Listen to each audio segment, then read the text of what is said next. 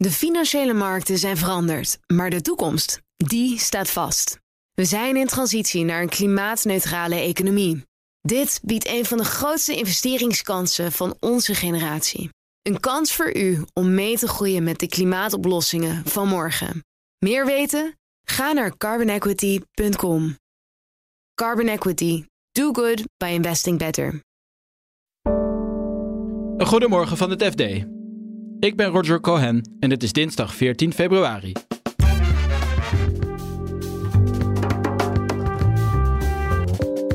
Ondernemers leggen het bijltje erbij neer.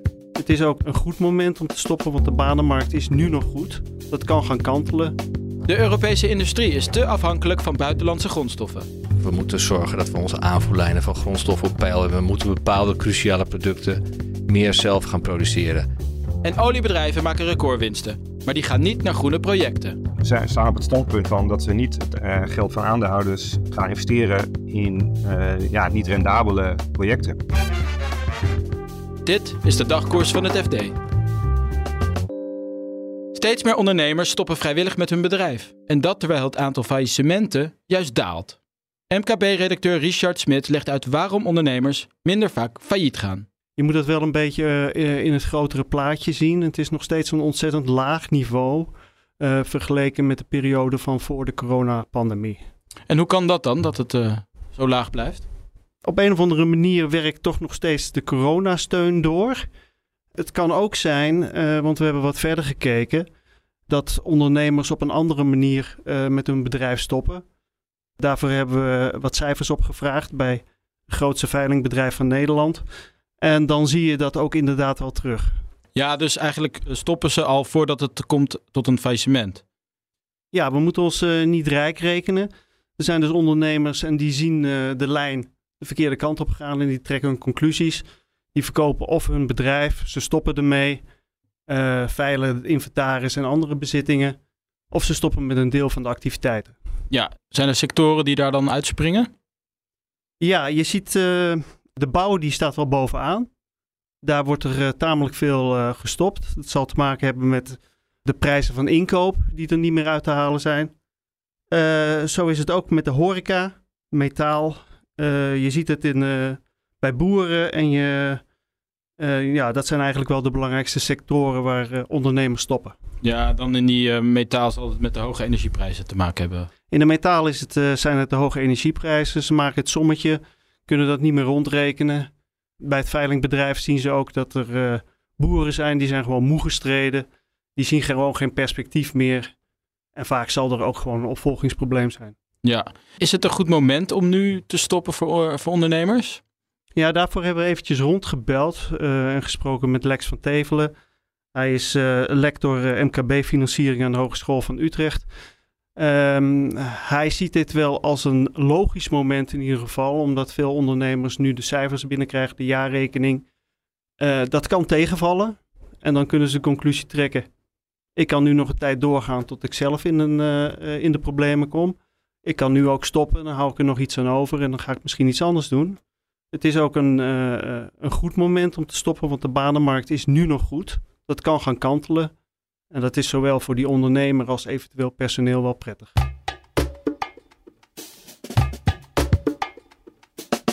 De eurozone is voor grondstoffen en strategische goederen erg afhankelijk van het buitenland. En dat maakt Europa kwetsbaar, zeggen economen van de Rabobank. Je hoort redacteur macro-economie Marijn Jongsma. Hij vertelt eerst over welke goederen het gaat. Nu denken we natuurlijk vooral aan uh, aan olie en gas. De, de, Russen die de gaskraan hebben dichtgedraaid. Dus dat is zeg, zeg maar de, de meest recente wake-up call. Uh, maar wat op de achtergrond heel sterk speelt is de rivaliteit VS-China. Dus de handelsoorlogen rond chips en dat soort zaken. En uh, de wil ook van landen als zowel Verenigde Staten als China om meer strategisch autonoom te zijn. Dus om het in goed Nederlands te zeggen, hun eigen boontjes te kunnen doppen. Ja, dus zelfvoorzienend te worden bijvoorbeeld op het gebied van chipproductie. Ja, inderdaad. En waarom is dat zo scha schadelijk als wij, als die prijzen wel flink omhoog gaan voor dat soort producten?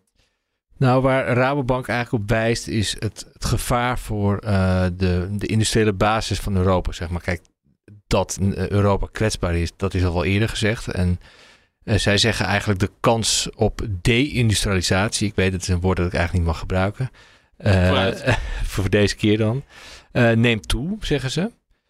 Omdat de Europese industrie gewoon met hele hoge kosten kampt. Omdat ze al die spullen moeten, moeten importeren.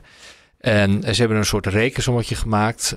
En die komen tot de conclusie dat als de industriële productie in Europa en het VK met 10% zou afnemen, dat dan de economie uh, in vijf jaar tijd iets van 7% verliest ten opzichte van het scenario waar je die deindustrialisatie niet hebt. En dan zou je zeggen, ja, het zal allemaal wel, natuurlijk is dat slecht. Alleen de, de vergelijking uh, die ze maken is eigenlijk met meer traditionele modellen waar die schade veel minder groot is. En zij zeggen dus eigenlijk van ja, de adviezen die worden gegeven aan beleidsmakers, uh, die gebeuren vaak op basis van modellen die dit soort grote prijsschokken in grondstoffen en halffabrikaten helemaal niet meenemen. Die kunnen daar gewoon slecht mee omgaan met dit soort uh, schokken, zeg maar. En daardoor worden de, de schadelijke effecten van zo'n productiedaling onderschat. En hoe werkt dat dan? Wat, wat, wat uh, is het proces dat, uh, dat zij beschrijven? Wat er gebeurt is dat omdat Europa meer moet importeren tegen hogere prijzen, komt de euro onder druk te staan en het Verenigd Koninkrijk het pond. Dus de munt wordt goedkoper. Nou, dan zeggen ze in de meer traditionele economische modellen treedt dan een soort uh, herstel op. Omdat als je munt goedkoper is, word je concurrerend. Dan kun je meer exporteren. En dan exporteer je jezelf zeg maar uit de crisis. Maar ze zeggen in dit geval gaat die vliegen niet op. Om de simpele reden dat je munt wordt wel uh, goedkoper. En dat betekent dus ook dat je duur moet importeren. Maar je kunt niet meer gaan exporteren. Want je hebt die grondstoffen niet om meer te produceren. En je hebt die halffabrikaten niet om meer te produceren. En er komt nog eens een keer bij dat de eindproducten die je maakt het is maar de vraag of je die elders kwijt kan, omdat landen buiten Europa, in dit scenario, een, een heel erg uh, eigen product eerst beleid gaan voeren. Veel nationalistischer en veel protectionistisch, protectionistisch moet ik eigenlijk zeggen. Waardoor je uh, niet kunt profiteren van die goedkope munten eigenlijk. En dan heb je eigenlijk alleen maar nadeel van, want je import wordt duurder, dus je importeert heel veel inflatie. Tegelijkertijd, je economische slagkracht neemt af. Dus je kunt die, die lonen kun je niet te ver laten oplopen. Nou, je krijgt koopkrachtverlies en verlies aan binnenlandse vraag. Nou ja, en zo kom je dus uit die uh, eh, 7%. Ja, dus een neerwaartse spiraal waar je ja. dan als land in terecht komt. Klopt. En wat kunnen beleidsmakers doen om um, zich aan te passen aan deze nieuwe wereld van autonome machtsblokken? Ja, de boodschap van, van uh, Rabo is eigenlijk: uh, hou rekening met de kans op dit scenario en weet dat als dit scenario zich voordoet, hoe schadelijk het is. En dus moet je daar dan iets mee. Nou, ze hebben natuurlijk niet een kant-en-klaar plan in de kast liggen om te zeggen: zo los je dat op. Maar uh, de denkrichting zie je natuurlijk uh, overal wel. Namelijk, we moeten zorgen dat we onze aanvoerlijnen van grondstoffen op peil hebben. We moeten bepaalde cruciale producten meer zelf gaan produceren. En dan moet je niet denken uh, dat Nederland ineens alles zelf moet gaan doen. Want dat zou ongelooflijk inefficiënt duur zijn. Maar je kunt natuurlijk in Europees verband meer dingen gaan doen als het gaat om bepaalde cruciale producten waarvan je zegt van ja, daar willen we niet meer zo afhankelijk van het buitenland uh, van zijn. Ja, en kan dat wel? Want heel veel grondstoffen, zeldzame grondstoffen halen we bijvoorbeeld uit China. Ja. Ja, dan zijn we dan toch aan China overgeleverd. Nou, kijk, heel veel van die grondstoffen die zitten inderdaad veel in China, maar ook veel in andere werelddelen. En bepaalde uh, mijnen zijn nog niet eens goed ontgonnen. Dus er zijn wel degelijk mogelijkheden om meer te diversificeren. Wat je dan gaat doen is kijken van kunnen we met meerdere landen, landen die nog misschien gunstig gezind zijn, uh, kunnen we, kunnen we um, aanvoerlijnen veiligstellen. Kijk, China doet het natuurlijk al volop in, uh, in Afrika met allerlei uh, investeringen die ze daar doen. Dus wat dat betreft kom, kom je elkaar wel weer tegen. De grote olie- en gasbedrijven maakten vorig jaar samen een winst van 200 miljard dollar. Een record. Maar die winsten gaan niet naar groene investeringen. Energieredacteur Bert van Dijk vertelt waar die winsten wel naartoe gaan. Nou, voor een belangrijk deel gaat dat terug naar aandeelhouders. Bijvoorbeeld als je kijkt naar Shell, die hebben 40 miljard winst gemaakt vorig jaar. En daarvan gaat uh, meer dan de helft inderdaad terug naar aandeelhouders. En nou ja, Chevron, een grote Amerikaanse olieconcern, die geeft zelfs 75 miljard terug. En dat geldt eigenlijk ook, nou ja, niet dergelijke bedragen, maar ook uh, hele grote, echt tientallen miljarden worden teruggegeven door Exxon en ook door ja, de BP's en de Totals. Dus er gaat heel veel geld terug naar aandeelhouders en wat er overblijft, ja, daarvan gaat een groot deel worden geïnvesteerd. Waarin uh, investeren die bedrijven dat dan? Nou, voornamelijk in uh, olie en gas nog steeds. Als je kijkt naar Shell, die investeren ongeveer 25 miljard per jaar. En daarvan gaat echt verreweg het grootste deel naar, nieuwe, of naar nieuwe, maar naar bestaande nieuwe olie- en gasvelden. En het is heel moeilijk om te achterhalen hoeveel precies ze investeren in groen. Dat is vooral bij Shell heel lastig, omdat ze hebben wel een apart onderdeel. Dat heet Renewables and Energy Solutions. En dat is het groene onderdeel, maar daar zit ook bijvoorbeeld een deel pijplijngas in. Nou ja, dat, dat is natuurlijk niet groen. En daarnaast hebben ze ook investeringen in laadpalen. Maar dat valt dan weer niet onder die divisie, dat valt weer ergens anders onder. Dus het is heel uh, lastig om precies te zien hoeveel geld ze echt in groen investeren. Maar duidelijk is dat ja, verreweg het grootste deel gaat gewoon naar uh, olie en gas. Ja, want ze beloven wel dat ze meer in groen willen investeren. Hè? En een bedrijf als BP ook. Waarom gebeurt het dan niet?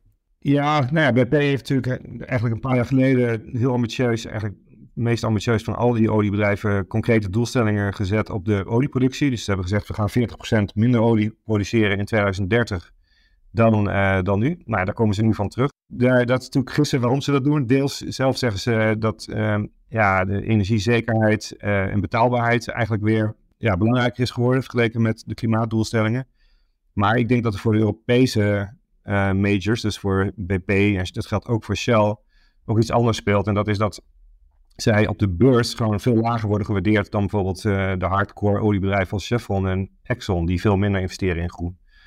Dus ik denk dat ook er heel veel druk is van aandeelhouders uh, om te zeggen van ja, luister, ik kan mijn geld ook daarin stoppen en dan krijg ik meer uh, waar voor mijn geld. Dus misschien uh, moeten jullie je beleid wijzigen. Ja, want het rendement op hè, de oude business, de, de gewoon olie en ja. gas, is veel hoger toch dan groen? Zeker, ja. Dus met, met de ontwikkeling van olie- en gasvelden, nou ja, dan praat je echt met dubbel, dubbelcijferige rendementspercentages. En dat is in hernieuwbaar, ja, dan mogen ze blij zijn als je daar 10% uh, haalt. Ja, en dat, zeg je, dat merk je ook wel bij de nieuwe topman van Shell, uh, Wael Sawan. Die benadrukt dat ook keer op keer en zegt, ja, CO2-reductie is heel belangrijk, klimaat is heel belangrijk, maar het moet allemaal wel winstgevend. Dus daarmee aangevend, ja, het is gewoon lastig om projecten te vinden, hele grote projecten, die hetzelfde rendement opleveren zij staan op het standpunt van dat ze niet het geld van aandeelhouders gaan investeren in ja, niet rendabele projecten. Er is natuurlijk heel veel druk ook van aandeelhouders wel, maar dat zijn uh, ja, de groene aandeelhouders, om het zo maar te zeggen. ABP bijvoorbeeld is, is uitgestapt uit Shell. Maar goed, dat zijn de wat vocalere aandeelhouders, maar echt de grote meerderheid, die, eigenlijk, die hoor je natuurlijk niet. En die, ja, die stemmen gewoon met hun voeten. Dus die zeggen, ja nee, wij zijn toch voor de rendementen. En ja, en, dan, en die rendementen zitten nu eenmaal voorlopig in ieder geval nog bij, uh, bij de olie- en gassector. Wat zouden overheden kunnen doen om uh, bedrijven als Shell en BP toch te bewegen om meer in groen te investeren?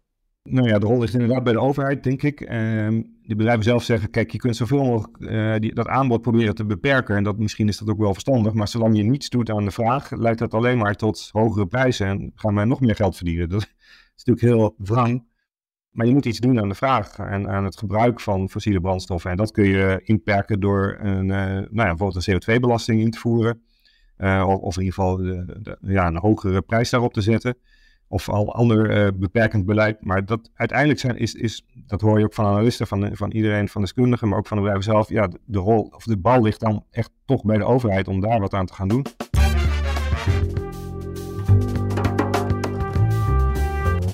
Dit was de dagkoers van het FD. Morgenochtend zijn we er weer met een nieuwe aflevering. Abonneer je vooral op dagkoers, dan krijg je die automatisch binnen. Het laatste financieel-economische nieuws vind je in onze app. Nu nog een hele fijne dag en graag tot morgen.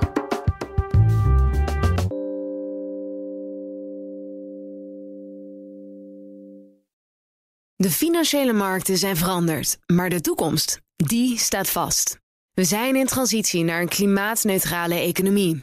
Dit biedt een van de grootste investeringskansen van onze generatie. Een kans voor u om mee te groeien met de klimaatoplossingen van morgen. Meer weten? Ga naar carbonequity.com. Carbon Equity. Do good by investing better.